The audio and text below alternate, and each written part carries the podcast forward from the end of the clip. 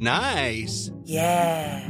What you're hearing are the sounds of people everywhere putting on Bombas socks, underwear, and t-shirts made from absurdly soft materials that feel like plush clouds. Yeah, that plush. And the best part? For every item you purchase, Bombas donates another to someone facing homelessness.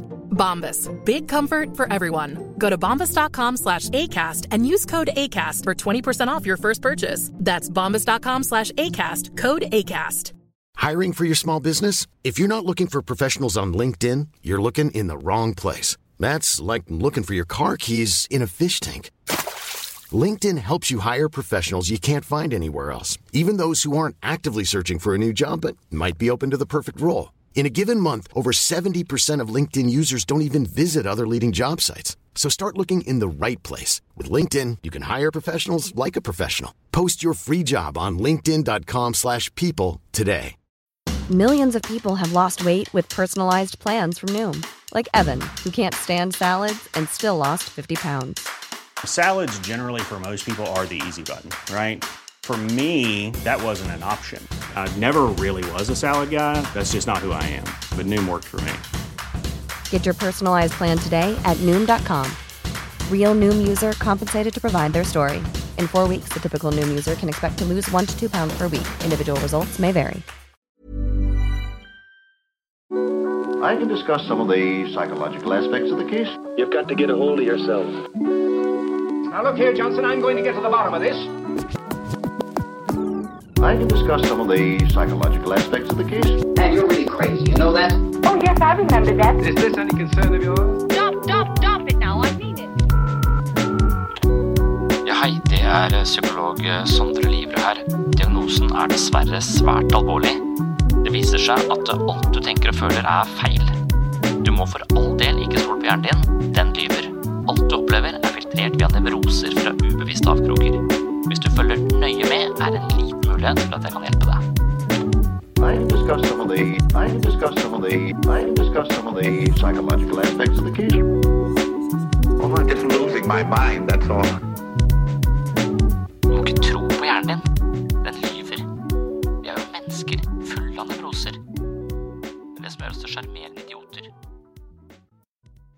Skam er både en moralsk følelse og en sosial følelse. Den sosiale følelsen er et varsel om at vi er i ferd med å falle utenfor. Vi kan kjenne på dette om vi sier noe dumt eller latterlig. I dagens episode skal jeg dykke ned i skammens psykologi.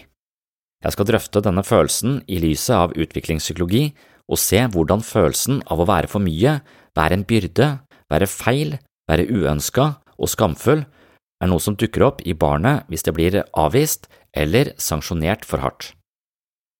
Vi tenker ofte på skam som en utelukkende negativ følelse, men en mild følelse av skam kan være nyttig i noen sammenhenger og hjelpe oss å følge de sosiale spillereglene. Men ofte har den sosiale skamfølelsen liten nytteverdi for oss, den kan handle om ting vi umulig har kontroll over likevel. For eksempel skammen vi lett føler om vi snubler på gata, eller at magen rumler. Å synke i sosial status er dessverre også ofte forbundet med mye skam, slik som å bli degradert på jobb eller om noen plutselig blir betydelig mer populære enn deg selv i venneflokken. Det finnes altså flere typer skam, blant annet sosialskam og moralsk skam. Den sosiale skammen det er den som gjør at vi føler at vi taper ansikt, en slags støt mot egos stolthet, mens den moralske skammen det er et varsel som dukker opp når vi er i ferd med å gjøre noe galt, og den har da stor betydning for hvordan vi fungerer som samfunnsvesener. Du kan føle moralsk skam om du har baktalt noen, stjålet noe eller på annen måte gjort urett. Den moralske skammen er også et varsel til oss selv om at vi vil kunne bli sett ned på av andre eller ekskludert fra gruppa vi tilhører når vi bryter sosiale normer og konvensjoner. Når vi mennesker skammer oss, senker vi gjerne blikket, bøyer hodet litt, mange av oss rødmer også. Alt dette er signaler om underkastelse som sikkert har en evolusjonsmessig side. Å snakke i forsamlinger kan lett fremkalle skam i oss. Dette kan henge sammen med at vi risikerer å bli avvist av svært mange på en gang. I lange epoker av menneskehetens utvikling har vi levd i flokker på opp mot bare 150 individer, og da har sosial utstøtelse vært ekstremt risikabelt for oss. Skulle du klare deg på egen hånd, så kunne det bety døden. Dessverre er skammen også en viktig driver i mange psykiske plager, og da ofte en overdreven form for skam. Folk som sliter psykisk, opererer ofte på en undertone av skam, noe man som regel har med seg fra tidlig i livet. Når mennesker føler sterk skam, en slags ordløs følelse av å ikke være verdig, er det ganske vanskelig å gi god hjelp. Det er mange terapeutiske strategier som fungerer på andre følelser og annet eh, psykisk ubehag, men som ikke biter på skammen. Ofte vil både ros, rasjonalisering, støtte, konfrontasjon og eksponering, som kan hjelpe på ganske mange psykiske plager, kun forsterke skammen. Hvis du gir støtte og omsorg til en som skammer seg mye, vil de føle ubehag fordi de tolker det som ufortjent. Hvis du skryter av noe de får til, vil de også føle mer skam fordi de ikke opplever gode ord som berettiget. Spørsmålet er således hva man kan gjøre for å bli eh, kvitt skammen eller komme den overdrevne skammen til livs. Og det blir tema i dagens episode av Sinnsyn. Velkommen skal du være. Det jeg så på, var eh, det med forholdet mellom traumer og skam. For skam virker som er en ganske sentral følelse og driver i veldig mange psykiske sykdomsbilder. Og det gir jo mening ut ifra det vi snakket om i Eriksson og disse stadiene hans også, at uh, den grunnleggende tilliten eller mistilliten som ligger i bånn, den er selvfølgelig viktig. Den styrer jo hele vårt møte med verden. Har vi troa på at verden er et sted det er mulig å være, og et trygt sted, eller er det et uh, utrygt sted, så vi må være på alarmberedskap hele tiden. Det er jo selvfølgelig en stor forskjell på hvordan vi ser verden. Mens de to neste stadiene, der tror jeg mye av denne traumene, eller hva skal man si, skammen også fødes. Og det er dette initiativ eller skyldfølelse. Og det å være autonom eller eh, skamme seg. Så idet barnet begynner å skulle utfolde seg og erobre verden, som vi snakket om, så kan du bli sanksjonert eller satt på plass eller kastrert, som Freud sier. Og da merker jeg at jeg, jeg har ikke noen eh, bestemmelsesrett. Jeg er hjelpeløs. Jeg har ikke kraft nok til å stå opp for meg selv. Og så blir jeg plassert da, eller eh, parkert. Og idet man blir parkert, så så oppstår eh, skammen og skyldfølelsen. Først skammen, så litt senere når man tar initiativ, og så ser man at eh, de andre man tar så mye initiativ at man mister folk rundt seg, eller ingen, de får ikke vært med på leken, andre får ikke mer stemme, så får man skyldfølelse. Og så kommer det liksom å, å, som en uh, tung sky over dette initiativet. Og da blir man jo liksom et slags offer for overmakten, da, i verste fall, når man uh, vokser opp. Og i verste fall så begynner man å identifisere seg med den eh, skammen. Fordi at eh, skammen eh, blir en eh, strategi hvor vi rett og slett bare begynner å tenke at eh, jeg er verdiløs og jeg er eh, udugelig. Og istedenfor å leite etter andre forklaringer, så kan vi bare automatisk gå til at det er meg det er noe, meg det er noe galt med. Så da blir det identiteten, at det er meg det er, meg det er noe galt med. Så det er sånn default mode. For det sparer oss for en del eh, Sparer barnet for mye, for mye energi. Å drive og finne ut av hva, hva skjedde her, hvorfor skjedde det. Så hvis man har den eh, Hvis man har mye skam og har mye sånn for lett skyldfølelse for å hevde seg eller ta plass altså Egentlig så får man da skyldfølelse for alle de proaktive følelsene. Så problemet med de som har skam, det er jo eller for mye skam, er at det, både det å være sint, hevde seg og, og ta sin plass, det uh, sanksjoneres av en selv med skyldfølelse. Og det er jo i denne fasen, denne halvannen til tre år, også at det superego, ifølge Freud, kommer inn. Så da får du internalisert den derre Nei, det kan ikke du gjøre. Nei, nå må du uh, legge deg under. Uh, trekk deg tilbake. Så du får alle disse ideene inn i deg selv. sånn at det, ethvert initiativ som er sånn Nei, det der finner jeg meg faen ikke i. Så får man uh, skyldfølelse. Eller hvis man er ivrig og interessert og stolt også, så vil den proaktive følelsen der også vil bli sanksjonert. Så de som har mye skam, de syns det er vanskelig å få applaus, de syns det er vanskelig å få ros, de syns det er vanskelig å være stolte. Noen ganger så kan du gi folk hyggelige tilbakemeldinger, og så tenker du at det, det hadde vært mer eh, humant av meg å nikke deg ned. Eller slå deg ned det hadde vært eh, Så i motsetning til angst, da, så er denne angst retter oppmerksomheten vår mot fysiske farer, så oppstår da skammen som en slags alarmberedskap retta mot sosiale farer. Skam forteller oss da at vi må være forsiktige, ellers så vil folk avvise oss.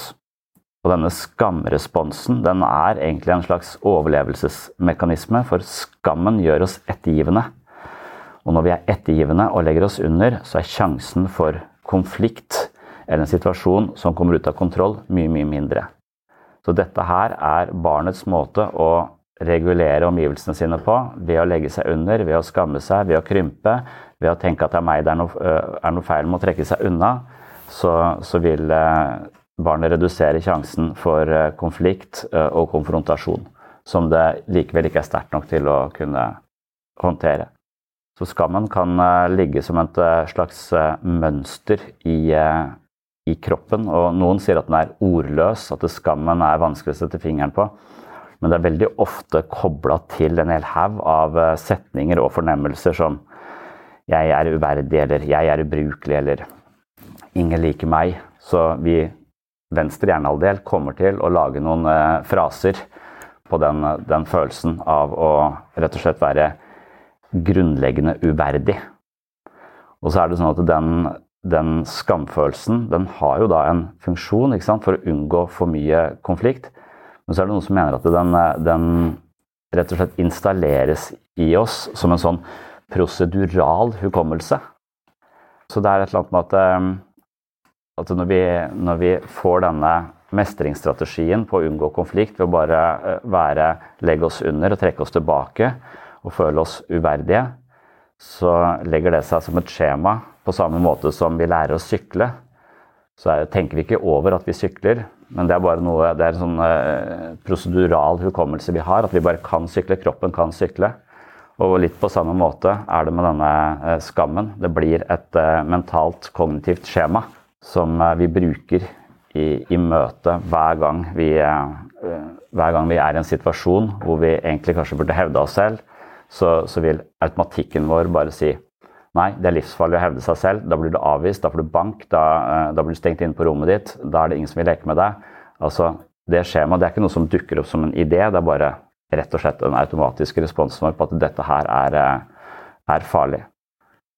Så det vil si at det, det, er nesten som å gå ut i verden det er nesten som å sende folk, Hvis du har for mye skam, så er det som å sende folk ut i verden, eller ut, på, ut i en boksekamp og så binde hendene deres på ryggen.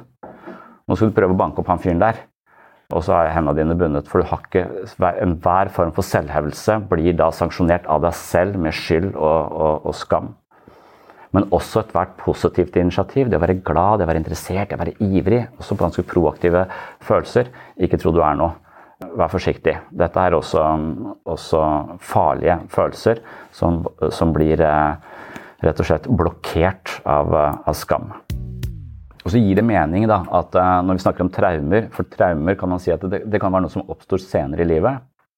Men det er jo litt den samme dynamikken som regel. Et traume er ofte at du har kommet i en situasjon hvor du nærmest stirrer døden i hvitøyet. Hvor du er totalt maktesløs, hvor du ikke hadde kontroll. Du var totalt prisgitt en eller annen vill situasjon, f.eks. blind vold. Du hadde ikke muligheten til å forsvare deg, du ble overmanna.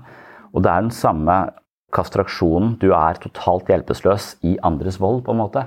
Som barnet jo opplever bare ved å det, det, er jo hjelpeløst. Det er jo totalt prisgitt. Så det er en veldig sånn, enormt sårbart å være et barn hvor den skammen blir installert som en eh, slags regulering. Og hvis du da dukker opp senere hvor du kommer i den totale hjelpeløse situasjonen, så vil ofte man også senere da reagere med sånn type skam over at man ikke handlet annerledes eller ikke gjorde noe annerledes.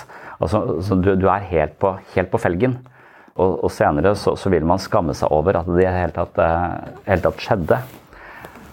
Og, så, så, dermed så er det mange som da som opplever um, at de, når, når, man har en type PTSD, da, eller sånn traumeerfaringer Hvis man kommer i situasjoner hvor man skammer seg, så blusser traumesymptomene opp to dager etterpå, er det forsket på.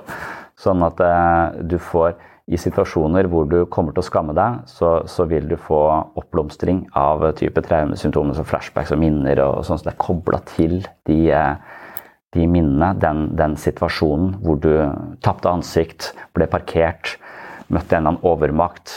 Det kan være et psykologisk overgrep, altså at du blir eh, fryst ut fra jobben, og arbeidsgiver er på motstanderlaget og, og rett og slett bare forvrenger virkeligheten, sånn at du blir eh, Ingen hører din stemme. Helt hjelpeløst der, ikke sant. Og når man snakker om, eh, om det, så, så, blir man ofte fanga tilbake i den, eh, i, i den, følelsen. Og også bare en vanlig da, en situasjon man føler man taper ansiktet, skammer seg, så vil det være forbundet med mer, mer symptomer. Så det er liksom dette med en forlenga reaksjon på skammen. Det er liksom denne selvklandringen og hele tiden lure på hvorfor foreldrene overser en eller mishandler en. eller ta, Det tar så mye energi. Så da lærer man seg at uh, jeg selv er skyldig for det, man, uh, for det, jeg har opplevd. Det er jeg som er skyldig i det jeg opplever. Og da trenger man ikke lenger å bruke energi og ressurser på å finne forklaringer andre steder. Så jeg er skyldig. Følelser generelt er mange negative følelser. Det er ikke så mange positive følelser. Men bare det å kalle det negative følelser istedenfor bare å kalle det signaler altså At det, følelser har fått et slags sånn Vi skal ikke føle for mye av det, vi skal ikke føle sinne, vi skal ikke føle for mye av det. altså Det ligger også i kulturen. Det er dette Freud snakker om, at dette er en slags eh, altså Jo mer kultur, jo mer eh, undergraver vi disse følelsesuttrykkene som eh, sosialt uakseptable. Og da, da, mister vi kontakten til oss selv og, og barnets initiativ eller barnets uh, iver og glede. Nei, sitt litt stille. Nei, du, ro, ro, deg ned nå. Kan ikke, dere, kan ikke, dere, ta det litt rolig? Bruk innestemme. Alt det der er jo hele tiden en slags uh, sanksjonering av barnets initiativ og emosjonelle responser på, på, på omgivelsene. Hvis man da allerede fra liten og må sitte på skolebenken her skal stille hele tiden, så, så, får man jo en slags idé om at den følelsen er feil. Og hvis jeg får den følelsen av iver, så blir jeg eh, hysja på. Og hvis du blir hysja på, så, så, så, skammer du deg over den du er. Du er feil. Så at vi har så mange sånne følelser som rett og slett bare har, er blokkert av nettopp skam. Og skammen er faen meg så jævlig finurlig, altså, fordi at den er eh, når jeg leste en, artikkel om det, så var det sånn Altså, hva gjør du da hvis du har for mye skam? Og det viste seg det er nesten stein umulig å gjøre noe med det. Nei, det virker som skamfølelsen er liksom litt annerledes enn alle de andre følelsene. Fordi den, for det første så har den ikke noen særlig positiv eh, Det er jo det å justere seg litt ned, kanskje, eh, innimellom. Men stort sett så er den bare, bare vond og selvkritisk og selvdevaluerende som en slags fiende av eh, ethvert initiativ, enhver følelse. Ja, jeg har ikke helt eh, forstått eh, hvordan For det, det, virker som om det å ta skammen ut i lyset Det kan hende det er noen som mener at det, det er sånn trollfortellingen gjelder, at det da eksploderer trollet eller, eller, skammen. Men det virker, med hensyn til skam så virker det som en del av de vanlige terapeutiske strategiene ikke har noen hensikt. For, for, det første så fungerer det ikke å rasjonalisere skamresponsen, eller det å lete etter fornuftige forklaringer på skammen. Det vil sjelden gjøre at skammen minker. En annen strategi som ikke fungerer, det er å konfrontere skammen. Altså, Du har ikke noen grunn til å skamme deg. Dette, denne situasjonen reagerer du uhensiktsmessig. Det er heller ikke særlig hjelpsomt, for det vil også føle at personen i etterkant føler mye skam på at den har følt det sånn som man er. Så uansett hvordan du snakker til et menneske da, så du har ikke grunn til å skamme deg for det. Så vil du skamme deg over at du skammer deg for det. Så du, skammen er liksom første mottaker. Ja, bare, uansett hva du sier til meg, så kan jeg bruke det til mat for, eh, for, for meg. Og så skammen spiser det meste til frokost, liksom. En annen ting, altså Det hjelper ikke å finne rasjonell forklaring på det. Det hjelper ikke å konfrontere skammen. Det hjelper heller ikke å drive med sånne positive tilbakemeldinger, støtte og omsorg, det vil heller ikke dempe skammen. For ofte så vil da bare skammen forsterkes fordi at personen føler at jeg ikke har fortjent denne positive oppmerksomheten.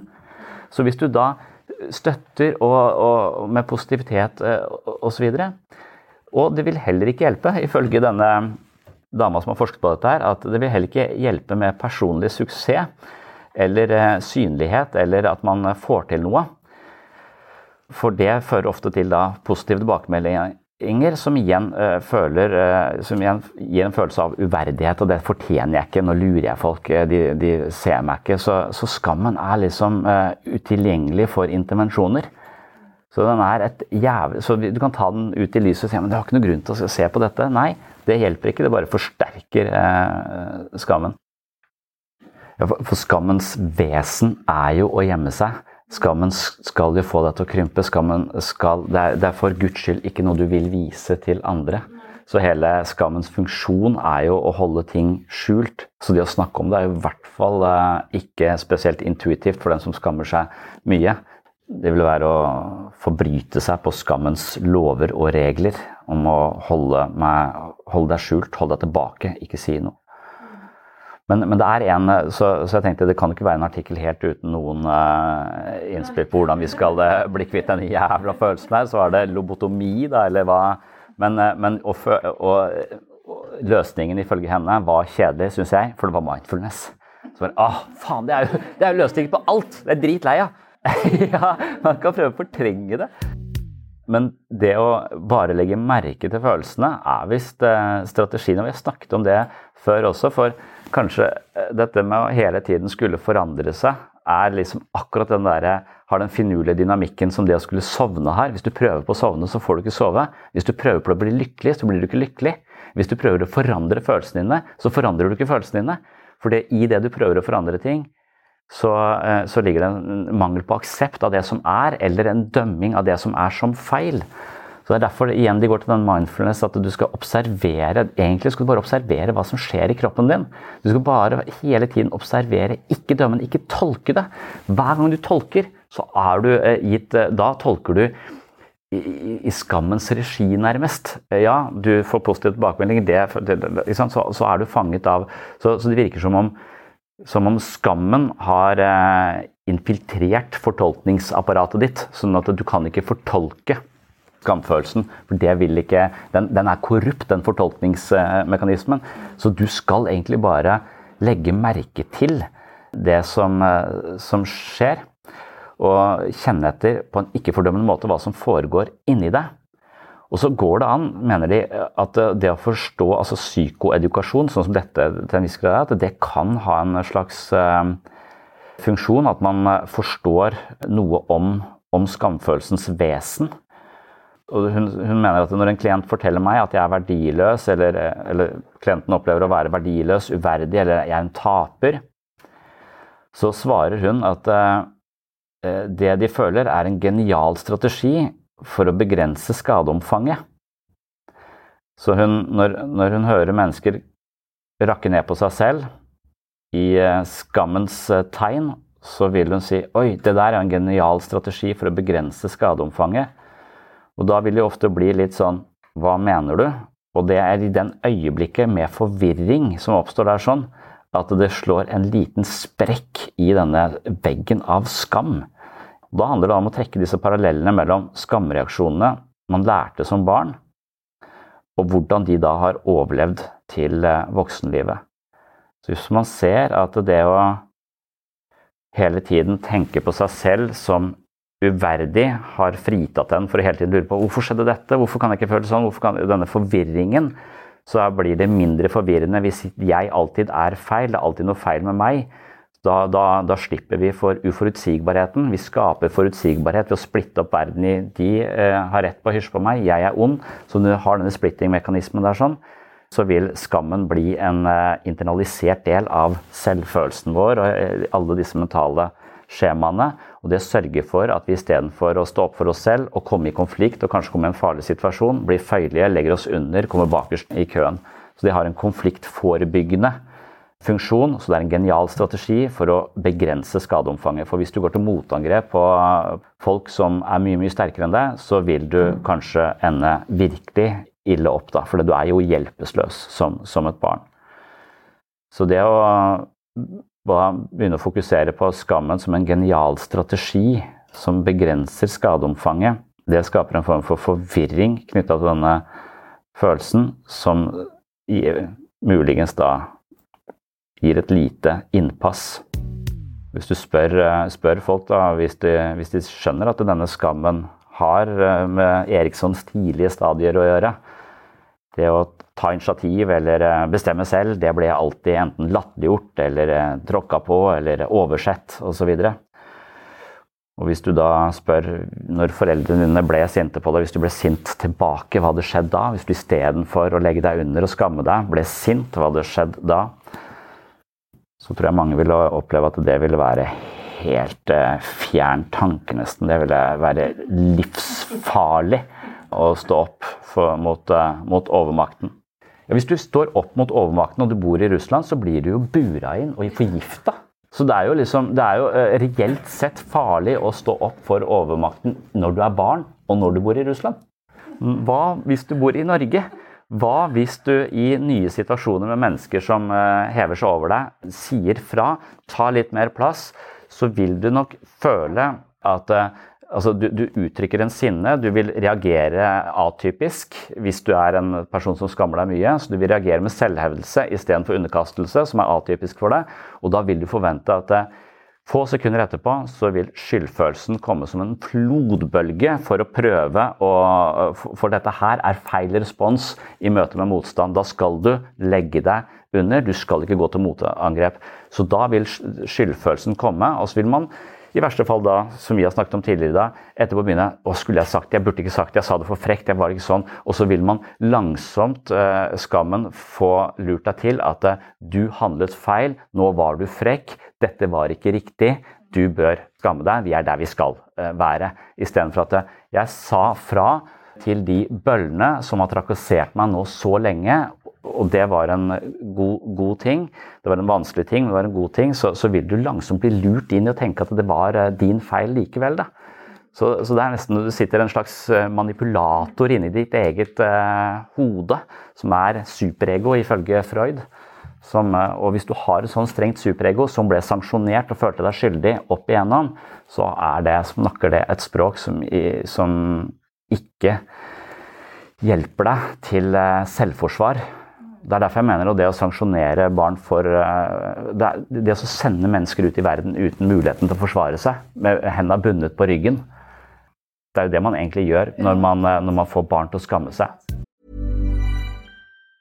Mom deserves the best, and there's no better place to shop for Mother's Day than Whole Foods Market. They're your destination for unbeatable savings, from premium gifts to show-stopping flowers and irresistible desserts. Start by saving 33% with Prime on all body care and candles. Then get a 15-stem bunch of tulips for just $9.99 each with Prime. Round out Mom's menu with festive rosé, irresistible berry chantilly cake, and more special treats. Come celebrate Mother's Day at Whole Foods Market. Even on a budget, quality is non-negotiable. That's why Quince is the place to score high-end essentials at 50 to 80% less than similar brands. Get your hands on buttery soft cashmere sweaters from just 60 bucks, Italian leather jackets, and so much more. And the best part about Quince, they exclusively partner with factories committed to safe, ethical, and responsible manufacturing. Elevate your style without the elevated price tag with Quince. Go to quince.com slash upgrade for free shipping and 365-day returns.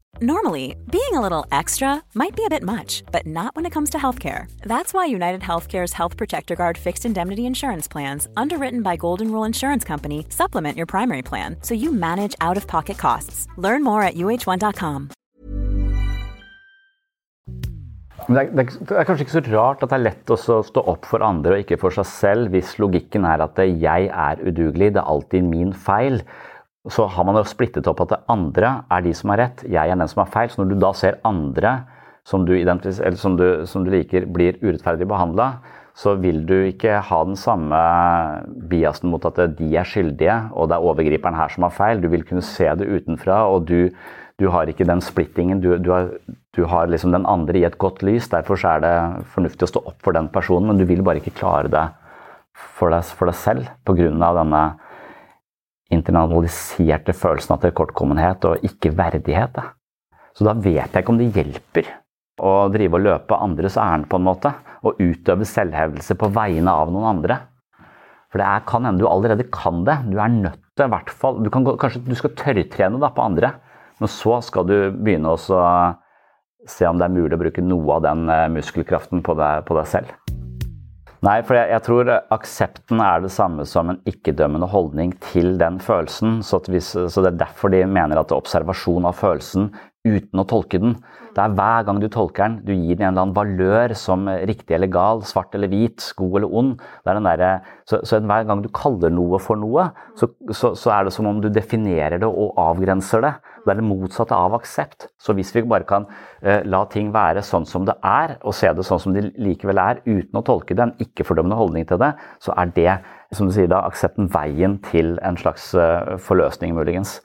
For for det, er jo, Når jeg sier alt du tenker og føler er feil, så er det jo vel vitende om at denne fortolkeren alltid er prima av alle disse utviklingstrinnene vi har vært igjennom. Så den fortolkeren er ingen objektiv, eh, oppegående og veldig fornuftig eh, instans nødvendigvis. Den kan være det, den kan være mer eller mindre god, men, eh, men den kan også være totalt full av propaganda fra tidligere erfaringer. Så ja, for du, du, forholder deg da liksom, du sier du forholder deg til din indre kritiker på samme måte som du forholder deg til en narsissist som alltid står på sitt og alltid egger til konflikt. Så sier du bare ok, ja, hvis du ser det sånn, så du parkerer narsissisten. På samme måte så parkerer du din egen eh, indre kritiker drift av skam, da.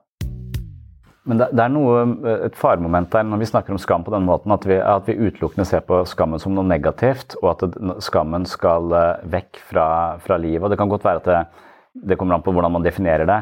Men uh, som du sier, så er det jo også situasjoner hvor det, er, uh, hvor det er helt berettiget å ha skyldfølelse, og helt berettiget å kanskje eh, skamme seg eller jekke seg litt ned og ha tatt for mye eller ha gjort noe galt. da. Så det, det er også sånn uh, i, i, terapi så, så, så, kan man kanskje møte mennesker som er sånn Ja, du skammer deg. Nei, det har du ikke behov for. Det, det må, liksom, at de prøver å, å rasjonalisere eller motbevise skamfølelsen. Mens det riktige vil kanskje være ja, det skjønner jeg at du føler skyldfølelse for, for der gjorde du noe som ikke var greit eh, mot de. Og så fyller den terapeuten også i og hva har du tenkt å gjøre for å rette opp i det? Og det kan ofte være mye bedre intervensjon enn å prøve å, å, å Altså at du får en aktiv hand. Ja, jeg skjønner at du føler på det, for det var jo ikke greit. Men hva har du tenkt å gjøre for å rette opp i det? Kanskje er den personen du har gjort det mot, eh, ikke lenger i nettverket ditt eller, eller ute av det. Så det kan jo være en symbolsk reparasjon. At du f.eks. begynner å eh, jobbe med ungdom og hjelpe de, eller jeg vet ikke hva det skulle være. At du, en slags, at du lager en slags symbolsk reparasjon på det som eh, det, det du da eventuelt Litt sånn katolsk, da du, du har en sånn, sånn, type skriftestol, og så finner du at ja, istedenfor å be ti Ave Maria, da, som virker totalt meningsløst, så kanskje du heller kunne begynne å jobbe på et suppekjøkken en gang, i, en gang i uka. Så det er litt mer, så jeg føler det er litt mer bærekraftig enn å bare sitte og mumle eh, på, på, rommet, på, rommet, sitt. Man, så Det er det som gjør følelsene så kompliserte. Altså, hvis vi har for mye skam, så er det vår fiende. Men det er fortsatt en følelse, så det er fortsatt en del av navigasjonssystemet vårt. Og noen ganger så navigerer den jo riktig, selv om den ofte navigerer feil. Så det er vel egentlig bare en justering av navigasjonssystemet vårt hele tiden når vi forholder oss til følelsene våre. Er de, er de, peker de oss i riktige retninger? Fører de til de riktige handlingene? Skal jeg krympe i denne situasjonen, eller skal jeg reise meg og, og trekke skuldrene eh, tilbake? Altså den følelsen som alltid dukker opp, den sier krymp, krymp, krymp, men den virker som om den ikke er justert i det hele tatt. da. Så, så, er, så en ting er at å, jeg må bare bli kvitt skammen. Da, da høres det litt enkelt ut, men, men, det er jo ikke det. Du, skal jo, du må beholde denne Den er jo der, den følelsen. Så den må bare Den må jo da eh, justeres. Ja, for det er jo den aksepten som du snakket om i stad. Hvis vi kan akseptere Altså akseptere betyr jo ikke å være enig med. Det, det, akseptere betyr bare å forholde seg til realitetene. Du trenger ikke være enig med realitetene, bare forholde deg til det. Så, du, så det å akseptere og, og, føle seg akseptert, og kanskje da ved å, ved å anerkjenne at skammen hadde en funksjon, det er en genial strategi som beskytta deg når du var eh, liten, og nærmest gi en slags anerkjennelse av den andres eh, skam. Og, føle at man da er akseptert med å ikke kunne møte blikket, eller eh, noe sånt, at det er en korrigerende erfaring. Hvor vi har eh, finta oss gjennom alle disse feilene vi kan gjøre med, eh, med skammen. Ja, men Det er ikke noe grunn til å ikke se på meg. Jeg vil deg jo bare vel. Tror du ikke at jeg vil deg vel? Det kan være sånn Ja, faen, hvorfor vil du ikke se på meg? Du kan jo bli indignert og mene at den andre nærmest eh, anklager deg for å ikke være, ha et godt hjerte. og det, så, Man kan jo reagere på den andres skam på mange måter. Da vil man jo bare fòre denne skammen sannsynligvis enda, enda mer. Det er helt klart en balansegang. Da, for at det, når vi har snakket om det tidligere da, i gruppeterapi, så er det sånn så kan man Det er vanligst å føle for mye skam. Det er vanligst å ha problemer med selvhevdelse og føle at man ikke strekker til. For det motsatte er liksom så Det er i hvert fall ikke spesielt Det er ikke så sympatisk å ha for lite skam. Det, det virker Det er nok mer min posisjon, sannsynligvis, at jeg, at jeg da i, sånn, i, dette forholdet mellom ta initiativ og føle skyldfølelse, så er det lettere for meg å ta initiativ og bare kjøre på med det uten å egentlig korrigere det initiativet eller dempe meg så veldig mye med en sånn følelse av skyld eller, eller skam. da. Så jeg har jo mindre av det. Og hvis jeg ikke Og når jeg vet om det, så kan jeg justere meg selv ned. Jeg kan prøve å justere meg selv ned, sånn at jeg slipper det jeg opplever som en slags depresjon innimellom, som kommer som en slags korrigering av mitt eget ego. Og det, Den depresjonen virker som å ha en hensikt. Den skal bare skape balanse. For nå har ikke du skapt balanse selv, så for meg så virker depresjonen hensiktsmessig ofte. Den typen, det er mange typer depresjon. Det er en egen type depresjon som korrigerer mitt eget ego. Og det er smertefullt, og det er skamfullt, og det er, det er vondt, men det er nødvendig. Eh, for jeg var, jeg var i ubalanse. Men, men, også da i sånne situasjoner hvor jeg, hvor jeg f.eks. møter arbeidsgivere og, og, og sånn, så, så, kan man liksom, hvis man lett føler seg skyldig, så kan man bli sånn liten i møte med en arbeidsgiver og sånn. Som regel så vil mine sånne møter gå, gå, motsatt. At det er jeg som blir overgriperen i møtet. Det er jeg som, eh, som, turer frem og tenker at jeg har rett, dette her er helt på trynet, og nå skal du høre hvorfor. Og så er jeg ganske vanskelig bremser, som et slags tog som kjører inn gjennom uh, dette her. Og, og, og, da blir man sånn ryggende. Så, så jeg vinner jo sit, situasjonen ofte på en sånn primitiv måte, da, nesten. Eller det er litt sånn, for jeg bruker mangel på skam og troen på at jeg har rett den er såpass sterk, og den er ikke korrigert av noe særlig. Så bare pass deg. Hvis det er en, hvis det er en konflikt. Det er ikke, og det er alltid konflikter med, med autoriteter. Så det er alltid de som er over meg.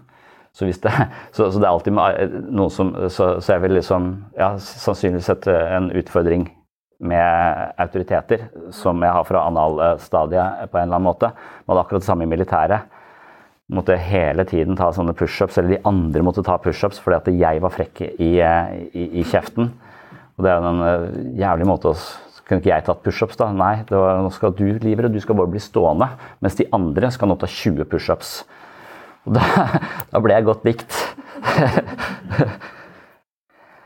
det er jo egentlig også Altså, hvis de hadde bedt meg ta pushups for det jeg hadde gjort, eller sagt, så, så, hadde det vært en, det er en sånn real måte å gjøre opp for seg på, egentlig. Mens uh, denne metoden er jo egentlig en slags moral, de, de, begår en slags moralsk overgrep på meg. For at de, de, de, de fucker opp sjelen min, på en måte. For isteden du skal stå der og føle at du har gjort noe galt, og det har gått utover alle andre. Så de gir meg et, uh, en moralsk uh, ballast som jeg må bære, og som jeg må tåle, og som jeg må på en måte da hate meg selv litt for. At jeg kunne være så dum for de andre. Ja, pluss sosiale konsekvenser etterpå, ja. Militæret er veldig spesielt fordi at de altså Hvis du går tilbake til Eriksson tre til seks år, som handler om forholdet mellom å ta initiativ og få skyldfølelse, eller være selvstendig kontra å tvile på seg selv, så har jo militæret en klar intensjon om at her skal ingen ta noe initiativ. Alle skal følge ordre. Og da bruker de også den mest effektive sanksjoneringa som fins, rett og slett gi folk skyldfølelse, for det har de fra Eriksson. Hvordan klarer vi å parkere og kastrere barn, sånn at de ikke får noe initiativ, sånn at de blir helt passive og bare lyder ordre og sitter stille på stolen sin og spiller når de skal, og, og gjør det de skal, så vi slipper så mye ståhei, det er å gi de skyldfølelse for enhver bevegelse. Så det å da gi mennesker det å da sanksjonere ting i militæret med skyldfølelse, det har de sannsynligvis fra, fra utviklingspsykologien. Det er den mest, beste måten å rett og slett kastrere folk på, sånn at de gjør akkurat sånn som de skal. Sånn at de blir en, en person som bare adlyder ordre og gjør det de skal, for det er hensikten i krig. Så det er jo slags, vi, vi, vi rett og slett institusjonaliserer en grov type omsorgssvikt i et system for å få folk til å, å gjøre akkurat sånn som de skal i krig. Så, så, det er en av de få stedene hvor omsorgssvikt faktisk uh, har en hensikt, da, uh, og er uh, intendert fra systemet sin side.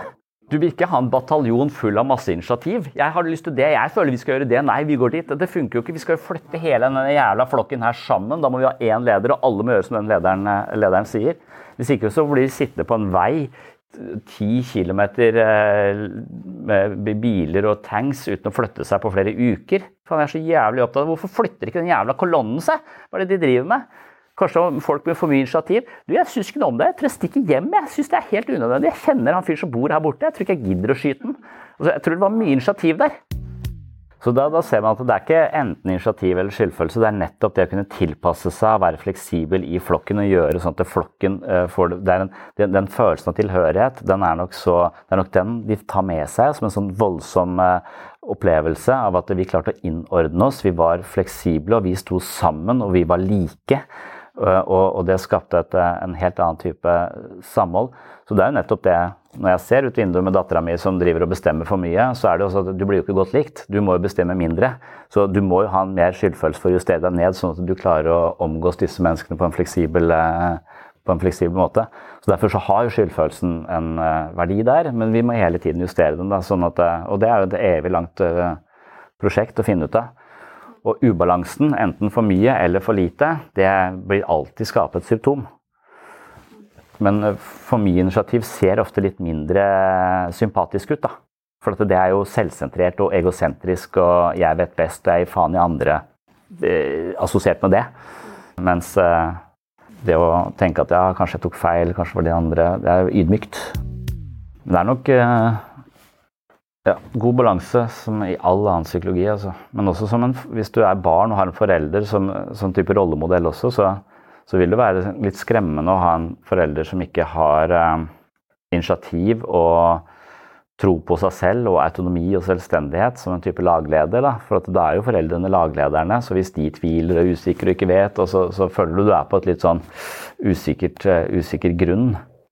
Ofte så tror jeg kanskje det å bli forelder gjør at man plutselig bare må, må stole mer på seg selv. At den tvinges inn i en uh, posisjon hvor nå må jeg bare stole på meg, på meg, selv. For hvis ikke jeg stoler på meg selv, så stoler i hvert fall ikke den personen på meg. Og da, så det kan være en god, uh, en god justering for uh, hvis man har vært veldig tvilende. Så hvor mye tvil er bra, liksom? Sånn for å kunne justere seg for å være ydmyk, for å være et menneske som ikke bare turer frem og er et lokomotiv uh, over, over, andre. Vi snakket, om det, men jeg, vi snakket om et slags spørsmålstegn, så hver gang du har gjort et eller annet som enten er for mye initiativ eller lagt deg under, så får du sånn spørsmålstegn. Var dette her riktig? Skulle jeg lagt meg under? Var det riktig? Hadde de andre uh, Var det de som uh, Var jeg frekk? Altså, hva, var som skjedde i denne situasjonen? Når jeg enten la meg under eller var for mye, så får man sånn i etterkant så får man et sånn stort behov for å finne ut av hva var dette. Og det tror jeg er tankekjøret. Det er der, det er der du ikke får sove. Så de som tar med seg de spørsmålene eh, inn i senga, og driver og dveler ved de spørsmålene lenge, som du uansett ikke finner noe sånn helt klart svar på, men etter hvert som du, hvis du da har mye skam, så vil du hele tiden til slutt komme fram til at ja, det var eh, jeg som var, eh, var dust i den situasjonen, jeg skulle aldri ha gjort det. Så det vil du kanskje ende opp med, men men det å ha de spørsmålene og det evnen da til å Og det føler jeg nesten jeg gjør sånn bevisst, at jeg har sånne spørsmål veldig ofte. Jeg drøfter de med noen, gjerne kona mi. Og når, vi, når jeg har gjort det, så, så, plasserer jeg det vekk. Så gidder jeg ikke å bruke jeg, jeg, Altså at jeg bevisst kan ta Jeg kan se det nesten visuelt som et slags spørsmålstegn. Og så, og så, Uansett om jeg diskuterer med henne, så finner vi fortsatt ikke fram til hva som var riktig. Hun kan kanskje støtte meg litt, eller et eller annet sånt, men så, så bare parkerer jeg parkerer jeg den. Og når det da eventuelt dukker opp ny informasjon i den saken, så kan man jo ta det spørsmålstegnet fram igjen seinere. For at du skjønner å ja, faen, der, eh, den, det visste jeg ikke. Så når jeg var såpass brå, så visste jeg ikke at du satt inne på den og den typen opplevelser. Så da skal jeg kanskje beklage deg, f.eks. Eller Men jeg tror det er mange som, tar, mange som ikke klarer å legge fra seg, ikke vet hvordan de legger fra seg spørsmåla. At de bare kverner og kverner og kverner, og kverner, og det er tankekjør. Altså, nesten sånn visuelt for meg. Da setter jeg den der, og så bruker jeg energien min på noe annet. Nå skal jeg konsentrere meg om denne filmen på Netflix, eller uh, dette prosjektet, eller uh, vi skal Det er noen ting som aldri blir løst, da. Som alltid er en sånn pågående greie. Men det er ikke så for min del ikke så ofte retta til enkelte personer, ofte retta til systemet og sånn. Og så vet jeg at oi, det der er et kaninhull Så med en gang jeg begynner å engasjere meg i det spørsmålet der igjen, og begynner å tvile og fram og tilbake på det, så jeg så, så, blir jeg ikke da, da må jeg liksom jobbe med å komme opp av det kaninhullet. Så noen ganger så gidder jeg aldri gå ned i, i det igjen. Mens hvis det er med enkelte mennesker, så, så kan jeg nesten være en Ja, det dukker opp igjen når jeg ser, ser de. Det gjør det. Men jeg syns jeg er dårlig på å prøve da å eventuelt finne mer ut av det. Noen ganger så avskriver jeg det fullstendig. Gidder ikke ha mer med det spørsmålet å gjøre. Jeg, jeg tror PTSD og, og, traumer handler om at du ikke kan det, det, er egentlig mangel på evne til å sette, parkere pro, problemet eller plassere det. Så det nettopp vil dukke opp gang på gang på gang på gang uten at du kan kontrollere det. Da er du på en måte litt maktesløs i ditt eget mentale liv. Da, den, og ofte så vil jo den, uansett om du da skammer deg på en måte eller du føler deg oi, der dreit jeg meg ut et eller annet i en situasjon, så kan det trigge minnet fra traume. Så traume kan komme opp igjen, som egentlig har med noe helt annet å gjøre. Det er den følelsen av å være maktesløs, skamme seg, ikke verdig, bli behandla på en dårlig måte. altså at det, at det, er tematikken som rett og slett bare trigger det samme minnet eh, om og om igjen. Jeg er ikke spesielt traumatisert på noen måte, men jeg, jeg var eh, med en sånn en forelesning en gang med en foreleser jeg så veldig opp til fra USA. Og det var bare sånn kort uh, Han var liksom på reise, og så var jeg så han et sted. Og så følte jeg jeg dreit meg ut så mye. Altså, jeg mistet sånn totalt ansikt. Så hver gang jeg skammer meg, så dukker det Han dukker opp i hodet mitt. Louis Sass heter han. Han dukker opp i hodet mitt hver gang jeg føler jeg bare dumma ut litt. Så kommer det mennesket opp i Og han gjorde ingenting, men det var bare så flaut, for at jeg hadde snakket med han, liksom, og så sa han et eller annet fint. Og så trodde jeg det var til meg, men så var det ikke til meg. Det var til han som stod bak meg. Så jeg sa takk for noe som ikke var til meg. og det, det, det, var, det, var så, det var så dramatisk flaut, liksom. At det, det var eh, jeg, jeg vurderte var sånn Ja, er det verdt å leve mer etter dette? etter dette mennesket som jeg ser så opp til, har jeg driti meg ut så fullstendig. Jeg kan aldri Jeg må bare Ja. Hver gang jeg driter meg ut igjen, så kommer denne situasjonen opp i, opp i hodet mitt, Blir ikke kvitt det. Det som er fortrengt, det du ikke har kontakt med, det dukker opp i mareritt, det dukker opp i drømmer, og det projiseres ut, så du ser den samme utryggheten der ute. Så det er jo et fremmedelement i i din egen syke. Det å ta imot et kompliment som ikke er til deg, fins det noe verre, liksom? Er det? Det gjør jo det, da. Det er jo bare, og dette er et veldig uskyldig, et uskyldig traume. Så, så, folk har jo opplevd å bli Men, men dette er bare så enormt skamfullt, da. For det tenker jeg også på, og den enkle situasjonen med denne flausen overfor denne professoren eh, var like sånn at det, det, det er, bare, det er sånn veldig trivielt. Det skjer eh, Ikke sant? Altså, det er ikke noe sånn. Men likevel så forandret det. For det første så har jeg tenkt på den eller den situasjonen dukker opp eh, gang på gang på gang. Samtidig så har jeg unngått alt som har med han å gjøre. Og han var en viktig person, var en sånn, sånn ledestjerne. på en måte. Alt han skrev, slukte jeg. Jeg synes det var helt fantastisk. Det, liksom, det var veldig sånn vitaliserende for man leste det han skrev. Han skriver på en sånn måte som han er veldig sånn inn i det mytologiske og fortellinger og hvordan det henger sammen. Så han, han var liksom en sånn veldig veldig viktig person. Og jeg har mange sånne viktige personer i livet mitt som jeg aldri har møtt. Og jeg dyrker de på en måte, og jeg leser det. jeg synes det er, Så de gir meg mye. Mens alt med han måtte jeg kutte ut. For Jeg kunne ikke ha noe med det, jeg kunne ikke ha noe med bøkene hans å gjøre. jeg kunne ikke, Noe som jeg tror liksom var en stor berikelse. Ikke, jeg har andre ting, så jeg kunne fylle det hullet. Jeg fylte det ikke med alkohol og rusmisbruk, men, så, så kunne det vært et alternativ hvis jeg ikke hadde Men, men, jeg, men det er jo veldig ødeleggende. Én sånn skamfull opplevelse, såpass egentlig store ringvirkninger, som, som igjen ganske trivielt med hensyn til hva andre kan ha opplevd. men men da er det i hvert fall lett å forstå at ja, sånne små ting, krenkelser, skam, kan virkelig påvirke oss sterkt. altså. Ja, Men tror du det er fordi at eh, vi har denne, at det læres på denne prosedurale måten, sånn som sykling? Så hvis du driver og sykler og hele tiden velter, så vil jo kroppen på en eller annen måte korrigere for dette og lage en slags type motorisk program som gjør at du ikke velter. Og når du da på samme måte skammer deg og føler at du taper ansikt og du dør litt sosialt, så vil eh, du rett og slett få et nytt mentalt skjema som gjør at du trekker deg tilbake eller øh, føler deg dum og tilkortkommen i lignende situasjoner. Altså, altså det blir som sykling. altså Du korrigerer for den ubalansen, og så korrigerer du i alle nye situasjoner med underkastelse fordi det å synes det ble for flaut og det ble for skamfullt. Det ble At du rett og slett mista ditt uh, medlemskap i, i, menneskeheten fordi du var så dum og teit, liksom. Så at du korrigerer Det blir sånn, et, et skjema. Så følelser tenker man jo også kan være sånne skjemaer. Så hvis man er utsatt for en rabiat hund som fireåring, så vil man uh, ha et skjema som sier hunder er jævlig farlige, og så vil man leve et helt liv med hundefobi, på en måte. Altså det er litt på den, den måten at det er nesten som å korrigere for, uh, for balanse på sykkel. At det, det ligger uh, som, et, som et sånn skjema. Så det narrativet vi gir folk som har opplevd noe farlig, det vil også styre deres opplevelse av det. Spesielt barn, kanskje. Jeg tenkte på det, for jeg hadde en kollega hvor dattera var i en bussulykke. Og så tenker jeg litt sånn, så Hvis dattera mi hadde vært i en sånn bussulykke hvor det var liksom virkelig bussen krasja og de føyk gjennom og sånn Men hvis man da har overlevd den bussulykken, så vil så Jeg tør ikke å si det umiddelbart, men oi, hvordan oppleves det? Var det sånn at ting gikk i saktefilm? Hvordan høres det ut når så mange ruter knuser på en gang?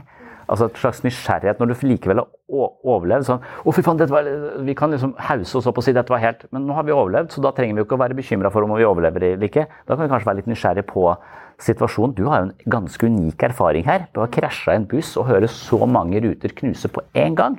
Hvordan er det? Så, så, at man kanskje kan eh, møte de tingene med en grad av nysgjerrighet, ja, og ikke sånn type For faen, dette tør du å gå på buss igjen? Det, det, er ikke så, altså, mye det er ofte vår egen frykt da, for at det eh, som og det var det jeg ville si om skam i eh, denne omgang. Jeg kommer tilbake til denne følelsen i senere episoder, det er jeg ganske sikker på. Skam er et sentralt tema, og det er ofte som en slags kreftsvulst på selvfølelsen vår, så det å ha en balansert skamfølelse som regulerer oss i sosialt samspill og sørger for at vi ikke tramper over andres grenser, det er jo viktig, men for mye skam, det kan rett og slett bremse all form for initiativ og grensesetting og livslyst på en effektiv måte. Så hvis du har en slags blokade i følelseslivet ditt, så er den ofte blokkert av eh, en type skam, eventuelt eh, frykt. Det er to følelser som eh, fungerer svært begrensende på menneskets livsutfoldelse. Så dermed så er det en tema som etter all sannsynlighet vil dukke opp her på podkasten også i senere episoder. Hvis du finner verdi her på sinnssyn, ønsker mental trening, vil ha mer sinnssyn hver måned og har lyst til å støtte prosjektet, slik at jeg kan holde hjula i gang her på podkasten, er et abonnement på Patron av stor betydning for dette prosjektet. På Patron, det er også mitt mentale treningsstudio, der kan du melde deg inn, da du kan selv eh, velge beløp per måned, og beløpet vil altså gi deg et medlemskap på mitt såkalte mentale treningsstudio. Jeg vil også nevne at et slikt abonnement kan avsluttes når som helst med et par tastetrykk. Jeg vil også benytte anledningen til å takke alle dere som allerede er Patron-supportere. Det er lyttere som dere som sørger for at lyset er på her inne på sinnssyn uke etter uke, måned etter måned, år etter år. Det er kostnadskrevende og tidkrevende å drive denne podkasten, men jeg elsker å gjøre det, og med støtte fra Patron-lyttere kan jeg prioritere sinnssyn hver uke, så tusen hjertelig takk for det. Hvis du er privatperson, kan du altså tegne et abonnement via patron.com for sinnssyn, men nå har jeg også etablert et bedriftsabonnement. Hvis du jobber i en bedrift, har lyst til å få mer sinnssyn å jobbe med hver måned, kan du nå tipse din sjef. Hvis sjefen er interessert i dette, kan vedkommende gå inn på webpsykologen.no og laste ned en brosjyre hvor jeg forklarer konseptet og presenterer tilbudet. Det er også kontaktinformasjon til meg inne på webpsykologen.no. Det er for så vidt også mulig da å sende en mail til webpsykologene at gmail.com. Så hvis du ønsker et eh, kollegialt fellesskap som trener mentale muskler og drøfter ting som stikker litt dypere i menneskesjelen i lunsjen, altså skape et slags eh, samfunn rundt det å tenke litt dypere på livets eksistensielle utfordringer, så kan jo et eh, abonnement, et bedriftsabonnement på sinnssyn kanskje være noe som kan stimulere den typen samtaler i lunsjen, som stikker da litt dypere enn vær og vind. Så tips sjefen din, og tenk at det kanskje kan være et løft for eh, det psykiske helseperspektivet på arbeidsplassen. Det var det jeg ville si for denne gang. Velkommen tilbake i neste episode, og takk for nå. Oh, I'm just losing my mind, that's all.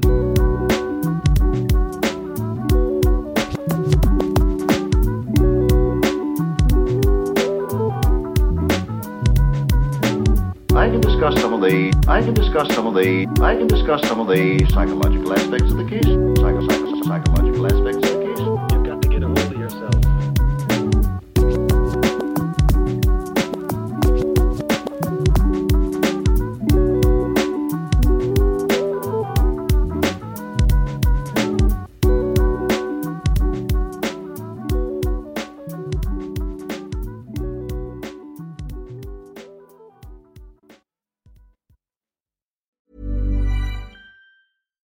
Normally, being a little extra might be a bit much, but not when it comes to healthcare. That's why United Healthcare's Health Protector Guard fixed indemnity insurance plans, underwritten by Golden Rule Insurance Company, supplement your primary plan so you manage out of pocket costs. Learn more at uh1.com. Even when we're on a budget, we still deserve nice things.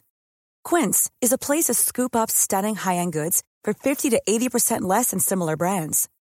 They have buttery soft cashmere sweaters starting at $50 luxurious Italian leather bags, and so much more. Plus, Quince only works with factories that use safe, ethical, and responsible manufacturing. Get the high-end goods you'll love without the high price tag with Quince. Go to quince.com/style for free shipping and 365-day returns. Mom deserves the best, and there's no better place to shop for Mother's Day than Whole Foods Market. They're your destination for unbeatable savings, from premium gifts to show-stopping flowers and irresistible desserts. Start by saving 33% with Prime on all body care and candles. Then get a 15-stem bunch of tulips for just $9.99 each with Prime. Round out Mom's menu with festive rosé, irresistible berry chantilly cake, and more special treats. Come celebrate Mother's Day at Whole Foods Market.